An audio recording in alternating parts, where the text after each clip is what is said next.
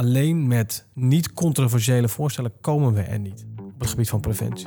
We zullen soms echt lef moeten hebben, tegen de stroom in moeten gaan. Geldt zeker voor de politiek. Ik kijk echt in de spiegel. Uh, maar geldt ook in de samenleving. We komen er niet alleen met, met, met ja, middle of the road voorstellen waarvan iedereen zegt ja, goed idee. Soms zullen we echt scherp aan de wind moeten varen. En ik hoop dat we dat met elkaar bereid zijn om te gaan doen. Welkom bij het nieuwe seizoen van Komt de man niet meer bij de dokter?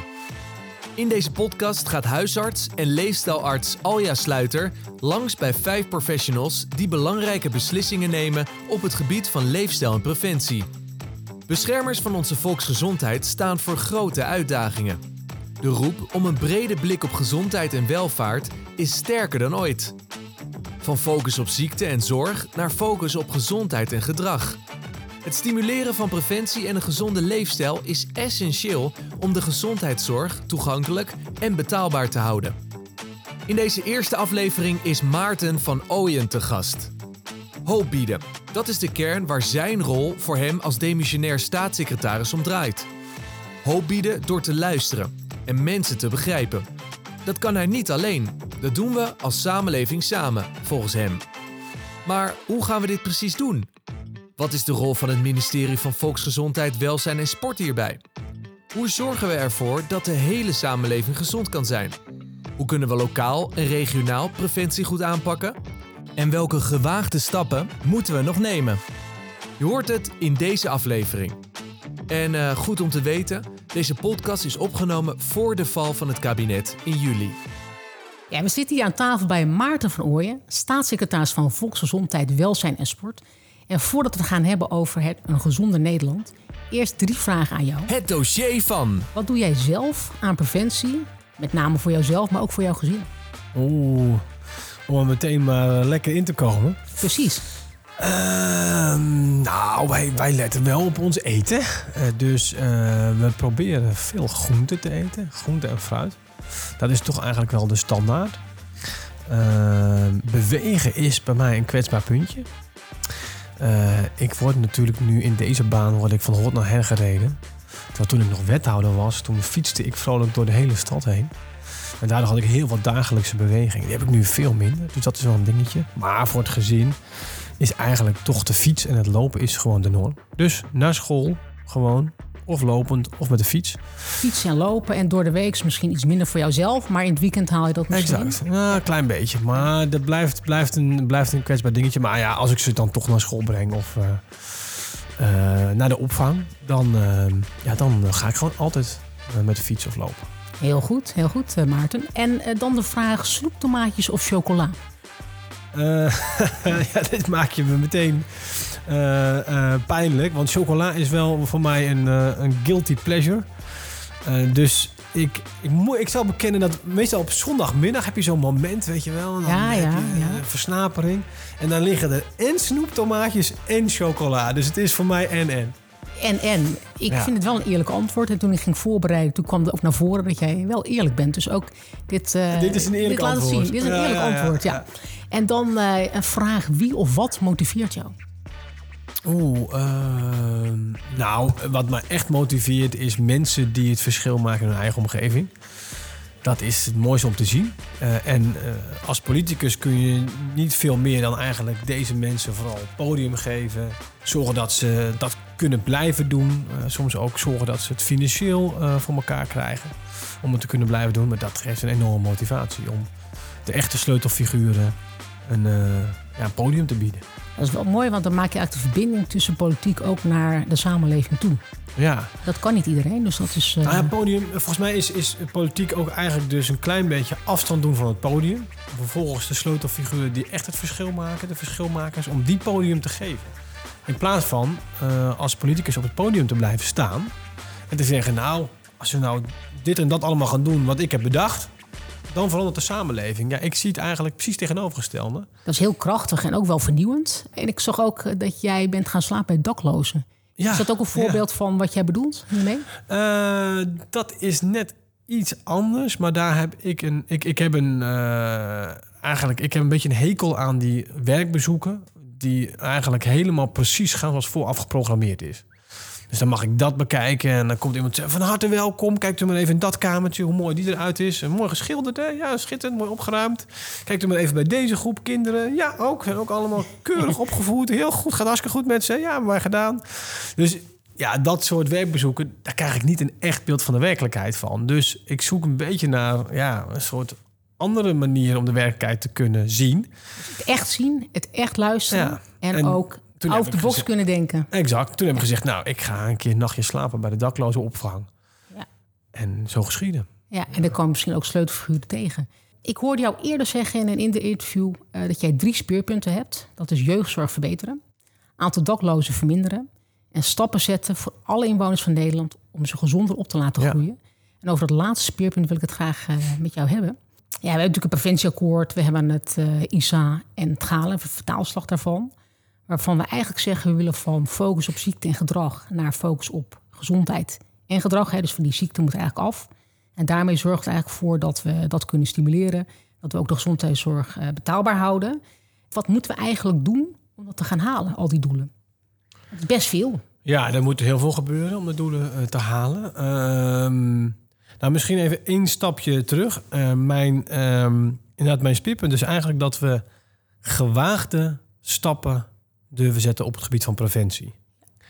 Want eh, er zijn heel veel stappen op het gebied van preventie die niet zo gewaagd zijn. Iedereen vindt dat je voorlichting moet geven aan kinderen om te voorkomen dat ze beginnen te drinken onder 18. Hè, als je iemand vindt die zegt, nou, dat lijkt me geen goed idee, nou, dan eh, dat is een hele prestatie.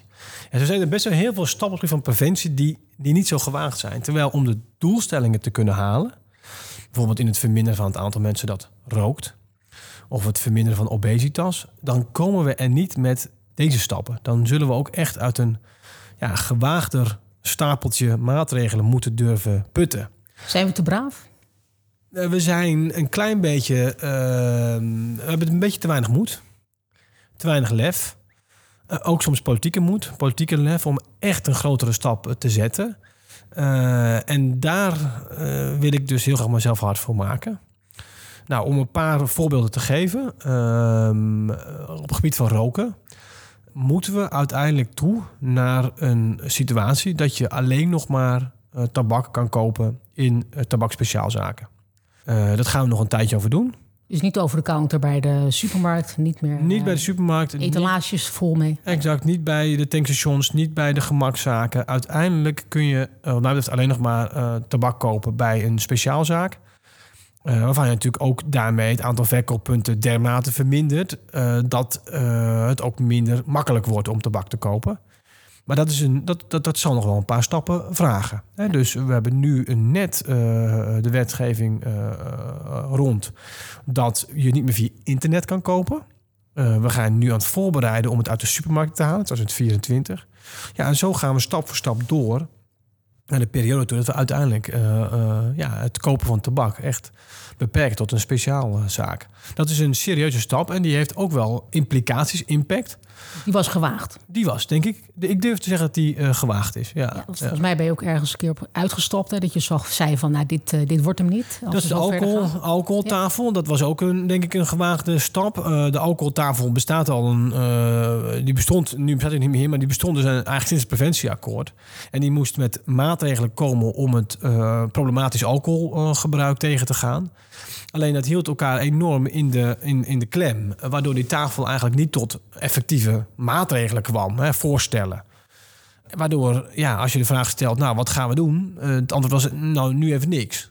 Uh, en toen heb ik op een gegeven moment, na wel lang en intensief overleg, ook met de tafel, wel tot de conclusie uh, gekomen van, we stoppen met deze tafel. Dat is ook wel lef, dat is ook gewaagd. Dus zowel op roken als op alcohol heb je al die stappen durven zetten. Nou, er moet nog wel meer hoor, want ja. dit, dit, dit, zijn er twee, maar de, we hebben echt nog veel meer nodig. Want ook op obesitas, ik maak me grote zorgen over obesitas. Hè. Uh, bijvoorbeeld onder uh, kinderen. Een op de uh, zes kinderen groeit om met obesitas. In sommige wijken één op de drie. Dat zijn echt hele heftige aantallen. Laat het op je inwerken en dan weet je dat voor deze kinderen het gezond opgroeien een stuk ingewikkelder is dan voor die andere kinderen. Ja, daar zullen we ook op dat vlak met stevig stappen moeten maken. We hebben daar een aankondiging gedaan dat we wetgeving uh, gaan introduceren voor een gezonde voedselomgeving. Dat betekent, uh, zo is het een beetje in de pers gekomen, dat je ook fastfood zou kunnen weren. Een fastfoodwinkelzaak. Eh, dat klopt. Dat hoort er inderdaad, is er inderdaad onderdeel van. Maar het is veel meer dan dat. Het betekent ook dat je bijvoorbeeld eh eh, snack, eh, kanti- of snack eh, eh, automaten in een, eh, in een school eh, bijvoorbeeld eh, kan weren via deze wetgeving. Of dat je bijvoorbeeld eh, bepaalde eh, eh, straten waar de gezonde voedsel eh, nou ja, nogal in, in, in, eh, in overdaad aanwezig is. Dat kan dus ook allerlei andere dingen zijn dan, dan fastfood. Dat je daar paal en perk aan stelt. Dat je zegt, nou ja, je mag hier genoeg voedsel verkocht worden, maar niet zoveel ongezond voedsel. Nee, En heb jij een idee hoe we dat kunnen doen? Als die wetgeving er is, dan zou je dus inderdaad op een gegeven moment moeten kunnen eh, variëren. Bijvoorbeeld in. eh, laat ik een voorbeeld geven. In, eh, in, ik was in, in Den Haag. In een van de wijken. Den Haag is een van die gemeenten die hier nadrukkelijk om heeft gevraagd. Dat was in Moerwijk. En eh, in Moerwijk eh, zijn er ook heel veel eh, winkeltjes. heel veel waar ehm, eh, een combinatie is van ongezond en gezond voedsel. Bijvoorbeeld een bakker waar heel veel zoetwaren ook verkocht worden. Dat mag dan op een bepaalde manier, als het, maar nog steeds in het bestemmingsplan als een bakker kan worden geregistreerd. Maar je zou eigenlijk willen dat die bakker ook echt eh, een gezond voedselaanbod heeft. In plaats van dat het uiteindelijk een straat is waar allemaal leerlingen doorheen eh, lopen. En vooral alle suikers uit die. Waar ze laagdrempelig eh, dat tot zich kunnen nemen. Exact. Nou, als je nou in je bestemmingsplan daarna, daar, daar aanvullende eisen over mag opnemen, zodat al die bakkertjes vervolgens eigenlijk nog maar een veel kleiner aanbod met suikers hebben, nou, dan ga je uiteindelijk zorgen dat de, de leerlingen die allemaal langslopen ook eh, minder, minder ongezond eten. Ja, dat is wel mooi, hè? Dat is heel goed. En ehm, is het ook zo dat als dit er komt, hè, want als ik even kijk naar mijn eigen omgeving waar ik woon, hebben op één vierkante meter hebben dan eh, vierkante meter hebben we drie fastfoodketens, waarvan er eentje in de omgeving van de Ja. school zit, waar ze op woensdagmiddag naar eh, de Happy Meal gaan. Is dat dan ook daarmee te, te weren? Is dat ook dus, de bedoeling? Dus dit gaat echt nog wel een tijdje eh, duren. Hè. We hebben de wetgeving nu aangekondigd. Dus wij eh, komen met die eh, wet. Ehm, eh, vervolgens moet het nog bij de Kamers heen. En dan biedt het de gemeente uiteindelijk ruimte om dus in een bestemming, bijvoorbeeld of in een omgevingsplan, als het dan ondertussen een omgevingsplan is, daar nadere eisen aan te kunnen stellen. Dus het is nog niet zo ABC eh, eh, geregeld. Alleen dan kun je uiteindelijk echt wel sturen. En het is ook hard nodig. Want als je bijvoorbeeld kijkt dan toch even naar de fastfoodkant... die is de afgelopen jaren enorm gegroeid. Hè? Want mensen denken dan meteen aan ticket hebben... over het frietje op de hoek en de snackbar op de hoek. Eh, maar eigenlijk heb ik het daar niet zoveel over. Want het punt is veel meer. Je hebt heel veel, ik zeg maar even toch, internationale ketens... die eh, op allerlei plekken eh, zich eh, wortelen. Die hier Heel zien. herkenbaar, heel herkenbaar. En die ketens, daar is een enorme groei van. Daar is ook een enorme marktpotentie, zoals zij het zien. Zij zien ook, ja, in die zin echt groeipotentie. Ja, maar ik wil die groeipotentie helemaal niet. Want die groeipotentie betekent namelijk eh, dat eh, eh, kinderen, over het algemeen jongeren... en ook natuurlijk volwassenen, maar mijn focus altijd op de jongeren... dat die, dat die daarmee volgepropt worden met eten wat we niet willen. Dus het is ook vaak, en, en, en dat, is, dat is ook een heel belangrijk punt... Betutteling ligt hier altijd heel snel op de, op de, op Ja. de, hè, op de, op de loer. Van ja, maar kijk nou eens, dan mag ik dit niet meer eten van de staatssecretaris. En de politiek gaat nu mij voorschrijven wat op mijn, eh, op mijn lunch eh, geserveerd wordt. Maar het is nodig, denk ik. Nou, het is nodig, maar het is ook geen betutteling. Nee, het is eh, bescherming. Het Jij- is Jij beschermt mensen. Exact, Ja. het is bescherming. En tegen waar is het dan tegen bescherming? Tegen eh, eigenlijk een eh, kapitalisme dat misbruik maakt van de situatie. Dat je op deze manier zo eenvoudig en zo eh, snel En makkelijk. eh, en, en makkelijk eh, de- een ongezond eetpatroon stimuleert. Dus het is echt bescherming. En betutteling is echt iets van een andere orde. Dus da, da- daar, daar, daar moet omdenken daar moet echt een omdenken plaatsvinden. plaatsvinden, denk ik. En een andere eerdere eh, podcast eh, gast die vertelde ook... wij worden eigenlijk betutteld door de commercie. Hè? Dus Ja. dat vinden we eigenlijk heel normaal. En Ja. ja, noem het inderdaad gezondheidsbescherming... zodat we mensen eigenlijk beschermen tegen die ongezonde keuzes. Ja. Ik denk dat... eh, eh, Maar Jamie Oliver heeft ergens op internet op zo'n prachtig filmpje. Eigenlijk zouden we die misschien nog eens even moeten kijken of we die nog ergens kunnen delen. Maar waarmee eh, een jongere vooraf een, een, eh, wordt gezegd van wij weten wat jij zo meteen gaat eten in, eh, in, een, in een restaurant.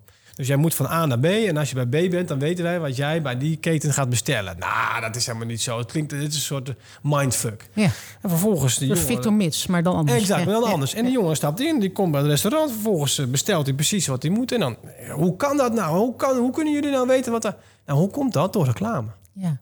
Doordat door de weg van A naar B zo erg vol met die reclame zit, bestel jij precies waarvan jij dacht dat het je eigen keuze was. Maar dat was maar niet je eigen keuze. Het was een keuze die geleid is door, uh, door commercie, door reclame. Ja, je bent heel beïnvloedbaar hè, als extreem, Ja. extreem. En ik hoor gelijk, ik zit aan iets te denken, hè, want uh, jij vertelt, uh, als dit als voorbeeld, uh, in het Gala-akkoord staat ook health in all policies. Ja. Dus is het ook zo dat we er naartoe moeten dat binnen een gemeente, want het Gala gaat natuurlijk over gemeentes die dat gaan uitvoeren, Ja.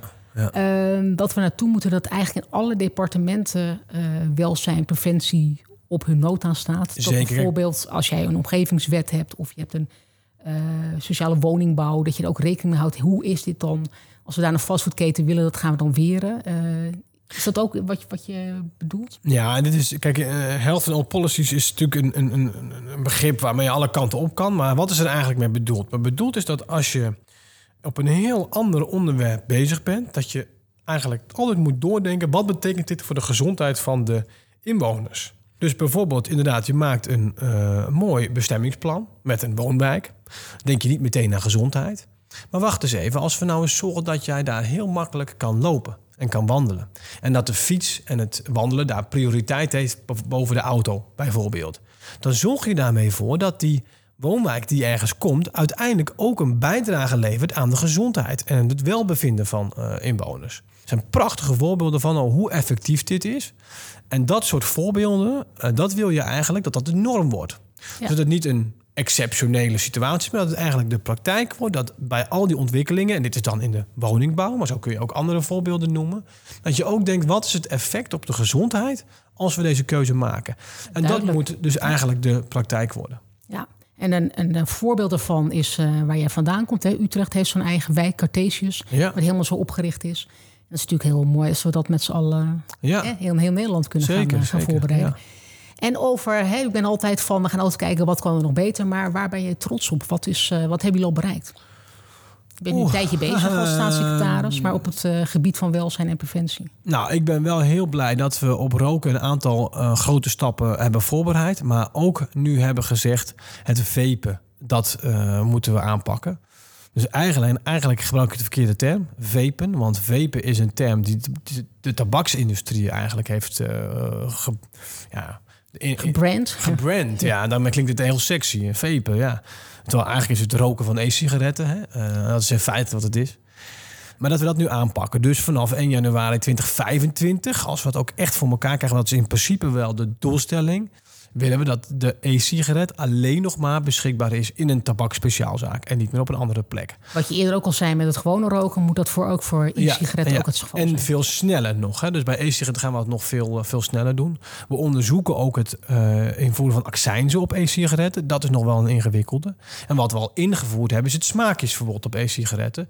Dus het ja, met meloen en citroen... en weet ik het allemaal van lekkere smaken... Uh, de, de vapes uh, aantrekkelijk maken. Dat kan zo meteen niet meer. Er is nu nog een fase waarin het mag worden... de voorraden mogen worden opgemaakt... Uh, maar dat, dat hebben we dus eigenlijk al uh, nu in de wetgeving uh, aan banden gelegd. En voor de luisteraar, hoe lang duurt het voordat jij zoiets bereikt hebt? Want jij zegt, dit is, hier ben ik trots op. Maar dat, ik denk ook wel, politiek is best wel lastig om snel iets te kunnen doen. Dus hoeveel nou tijd ja, gaat het Kijk, even, dat, dat kost, kijk, wetgevingstrajecten kosten op, op altijd minstens twee jaar. Hè? Dus van het begin van de wetgeving totdat je het hebt ingevoerd. Dat is twee jaar. Alleen, dan moet je er nog altijd bedenken dat voordat je uiteindelijk besluit tot wetgeving... Uh, je ook nog een voortraject hebt. Hè, waarin je bedenkt van ja, maar wacht even, wat willen precies voor wetgeving? Hoe moet die er ongeveer uitzien? En is hier ook draagvlak voor? En hoe reageert de sector hierop? En zijn we bereid om die. Dus voordat je uiteindelijk besluit tot wetgeving, heb je ook nog een voortraject. Uh, dus ik heb net bijvoorbeeld gezegd over die wet voor de gezonde voedselomgeving. Hebben we uiteindelijk in de loop van het vorige jaar hebben we uiteindelijk uh, die fase gehad. En zijn we eind vorig jaar tot het besluit gekomen, we komen met die wet. Nou, dan moet je eigenlijk, dan gaan die twee jaar tellen. Dus dan ben je al, nou, pak een beetje een jaar of drie verder. En dan heb je nog het moment dat je natuurlijk echt gaat handhaven en de werking ervan in de praktijk gaat zien. Dus van idee tot uitvoering in de praktijk, nou, reken een jaar of vier, vijf en dan. Oeh. Ja, dus, dus en dat gaat hem is, eraan staan. Het is wel een marathon. Uh. Het is een marathon. En is, het, het, dus dat is soms ook ingewikkeld. Alleen uh, dat is de enige weg vooruit. Hè? Dus uh, we doen het ermee. En soms kost het gewoon veel meer tijd dan je zou willen. Het heeft ook zijn waarde. Hè? Er zitten checks en balances in. Je voorkomt dat je met iets komt wat uiteindelijk niet zo uitpakt als je had beoogd. Maar vooral een onbedoeld effect sorteert. Dus het voorkomt ook te uh, gekke bewegingen. Maar het duurt wel lang. Ja, goed doordacht beleid. Maar ja, je bent er wel trots op en terecht. Um, we hebben het heel kort gehad over het gala. En ik wil graag nu even met jou hebben over de mentale gezondheid van Nederland. Ik zag staan dat jij uh, uh, preventie niet alleen in het fysieke deel, niet alleen maar bewegen en gezond eten, maar het zit ook over zorg voor mentale fitheid. Die uitdaging waar we voor staan als uh, gezondheidszorg, maar als samenleving. En ook de jongeren, maar ook alle mensen in de samenleving. Ja, zeker, zeker. Ik zag dat jij recent een maatschappelijke dialoog hebt gevoerd erover. En ik ben heel benieuwd, wat heeft jou dat gebracht? Ja, dit heeft dus wel een, een, serieuze aanloop gehad. Eigenlijk sinds ik begonnen ben, maak ik me al zorgen over de mentale gezondheid van primair jongeren. Ook nog wel van andere groepen, maar primair van jongeren. Bijvoorbeeld ook van, van mensen met, uh, met schulden. Want uh, ja, van schulden krijg je stress. En dat zorgt weer voor vaak onhandige keuzes, waardoor die schuld, et cetera. Dus, dus daar zit ook een combinatie in. Het gebeurt ook op de werkvloer. Hè, dus daar zit ook nog een, echt een hele belangrijke uh, er zijn meerdere probleem. Groepen. Inderdaad, maar de jongeren, daar heb ik wel af van het begin gezegd, dat, dat, dat is echt niet, niet oké. Vervolgens was het toen nog een beeld, toen ik begon vorig jaar, begin vorig jaar, van ja, is het niet een corona-effect? Dus misschien lost dat toch min of meer wel weer op zodra we even uit die coronaperiode zijn. Nou, dat zijn we nu. Wat is het, een jaar of, eh, of, of anderhalf, twee wel echt serieus. En als je dan kijkt, dan, dan zie je die cijfers eigenlijk nauwelijks terugvieren. En dat is gewoon foute boel. Dat is echt. Dus ik had al een, een slecht volgevoel eigenlijk toen ik begon. Ja, dus ik dacht, kwam corona overheen. Kwam corona overheen. En, en dan zie je dat het niet terugveert. Dus uh, hier moet echt iets gebeuren. En ik heb, en, en, en ik heb toen, wat is het, een paar weken geleden, een interview gegeven aan het AD. Uh, veel uh, kritiek, ook bijval gekregen. Maar gezegd, ja, ik maak me daar dermate zorgen over. Want er zit ook nog een andere veronderstelling bij. Namelijk dat we heel vaak denken dat professionele hulpverlening de oplossing is. Terwijl ik wil echt dat we dieper gaan graven. Ik wil dat we iets in de samenleving veranderen. Dat niet zoveel jongeren het gevoel hebben dat ze ongezond opgroeien. Dat ze denken, ja, de samenleving, nou, uh, ik weet het niet, maar voor mij is die er niet. Hè? Ik hoor er niet bij. Ja. En daar moet, ik wil die laag raken. In plaats van de, ja, de laag aan de oppervlakte van, ja, ja, kom op met die beschikbaarheid van die psychologen en de hulpverleners, et cetera. Dus die laag wil ik graag raken. Dat snap ik. Jij zit eigenlijk daarvoor, hè, met preventie. Ja. En dat zei een eerdere uh, Henk Krijveld in de, in de podcast ook, Kees Krijveld, dat we eigenlijk moeten zorgen dat mensen mentaal krachtig zijn en fit en ook die jongeren, zodat ze eigenlijk niet exact. psycholoog nodig hebben. Ja, ze hebben een schitterend boek geschreven trouwens. Uh, dan ben ik even de naam van het boek kwijt, maar de, mentaal, mentaal gezond uh, zijn generatie heet het, iets in die trant. En, en zij zijn heel stevig in hun uitspraken daarover. Hè. Ze spreken eigenlijk over een, een, een, een opgebluste, uh, een uitgebrande uh, samenleving. Nou, dat is nogal een terminologie. Ja, zijn harde... Ja. ja. Ook wel gewaagde stappen weer ja, te nemen, precies. En, en, en, we moeten dus in die samenleving toch ergens de, ja, de, de kernfactoren die hiertoe leiden, moeten we proberen aan te raken met elkaar. En heel belangrijk hierin, de overheid heeft hier een deelrol. Niet de hoofdrol. Klopt. Dat sowieso. Dit hele thema is niet alleen maar van jullie. Dat is van de inwoner zelf. Dat is van de zorgverzekeraar. Dat is van ook een deel van de zorg. Uh, gemeentes. Uh, dus eigenlijk iedereen is aan zet volgens mij. En niet alleen maar VWS. Exact. En heel indrukwekkend tijdens die bijeenkomst vond ik dat een aantal mensen naar mij toe kwamen. En die zeiden van, um, wij zijn eigenlijk heel blij dat je dit debat bent gestart. Of deze dialoog bent gestart. Want wij zien dit gebeuren in onze school, op onze school. We zien het uh, op, uh, op, verenigingen, we zien het op allerlei plekken.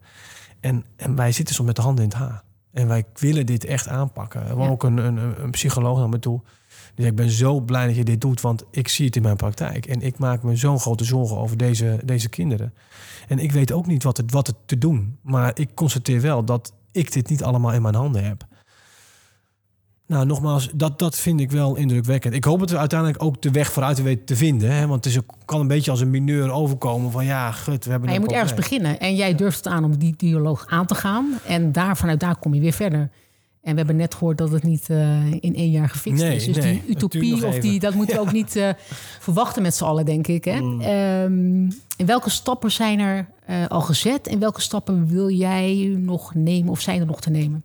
In 2023, lijkt het klein maken. Ja, nou, cruciaal is wel dat we nu, ehm, eh, denk ik, op heel veel plekken prioriteit gaan geven aan die mentale gezondheid van, van jongeren. Ik heb een aantal bijvoorbeeld ROC's ook gesproken. En die zeggen dan, wij kunnen gewoon al dit jaar in onze eh, programmering, in onze planning, kunnen wij al rekening houden met geven we meer tijd en aandacht aan het onderwerp. Nou, als scholen, als ROC's dat zelf eh, eh, oppakken, ja, is dat natuurlijk waanzinnig goed. En dat, dat is een stap. Ik, ik, nogmaals, ik kan alleen maar stimuleren, faciliteren. Ik kan ook ruimte geven, soms ook middelen geven. Doen we ook. Via het Gala krijgen is er eh, ook middelen beschikbaar voor dit onderwerp. Maar uiteindelijk ligt het in de handen van ja, instellingen zelf om die prioriteit te geven. Ook die podiumgeest, wat je aan het begin zei, van die kernspelers, die eh, krijgen ruimte van jou om dat te gaan uitvoeren. Ja. Welke boodschap heeft onze gast aan de demissionair minister van Volksgezondheid, Welzijn en Sport? Dit is het briefje aan Ernst. Ja, dan tot slot. Hè. Eh, we hebben normaal hebben we het briefje aan Ernst. Maar ja, jij bent van eh, het departement ook van Ernst. Dus wij hebben eigenlijk het vertaald naar het briefje aan de samenleving. En welk advies heb jij aan de inwoners van Nederland? Oeh, eh, wie ben ik om de inwoners van Nederland advies te geven, zou ik bijna willen zeggen. Eh, die zijn natuurlijk allemaal ontzettend eh, wijs en, en die kunnen ook echt zelf bedenken wat goed is en, en, en hoe ze dat willen. Ik zou toch bij, mij, bij het speerpunt willen blijven wat ik heb neergelegd. Namelijk, alleen met niet controversiële voorstellen komen we er niet op het gebied van preventie. We zullen soms echt lef moeten hebben, tegen de stroom in moeten gaan. Geldt zeker voor de politiek. Ik kijk echt in de spiegel. Eh, maar geldt ook in de samenleving. We komen er niet alleen met, met, met ja, middle of the road voorstellen... waarvan iedereen zegt, ja, goed idee. Soms zullen we echt scherp aan de wind moeten varen. En ik hoop dat we dat met elkaar bereid zijn om te gaan doen. Ik denk dat dat gaat lukken.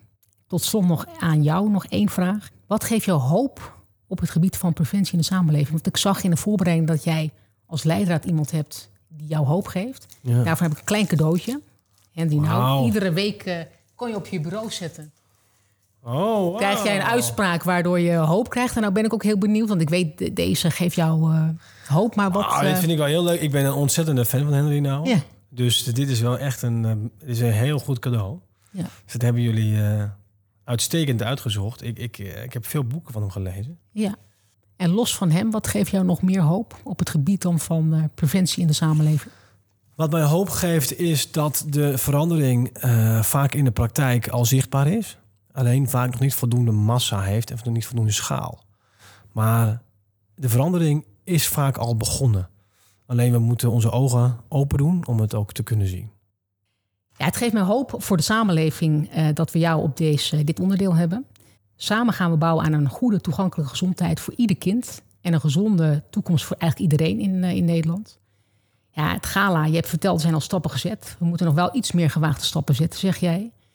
Ehm, ten aanzien van de mentale gezondheid, ja, ROC's zijn al bezig, maar ja, het kan nog wel meer. Er zijn nog wat meer eh, stappen nodig en minder middle of the road doorblijven. Scherp aan de wind, zeg je heel mooi. Ja, die gewaagde stappen, dat gaan we zetten. Maarten, dank voor dit gesprek. Dankjewel. Dit was de eerste aflevering van het tweede seizoen van Komt een man niet meer bij de dokter. In de volgende aflevering zit zorgexpert Carine van het Land aan tafel. Volgens haar missen we gezonde levensjaren door de ongezonde omgeving die we hebben gecreëerd. Hoe moeten we dat veranderen? Alle afleveringen, ook van het eerste seizoen, zijn terug te luisteren via jouw favoriete podcast-app. En vergeet niet te abonneren om als eerste op de hoogte te zijn van een nieuwe aflevering.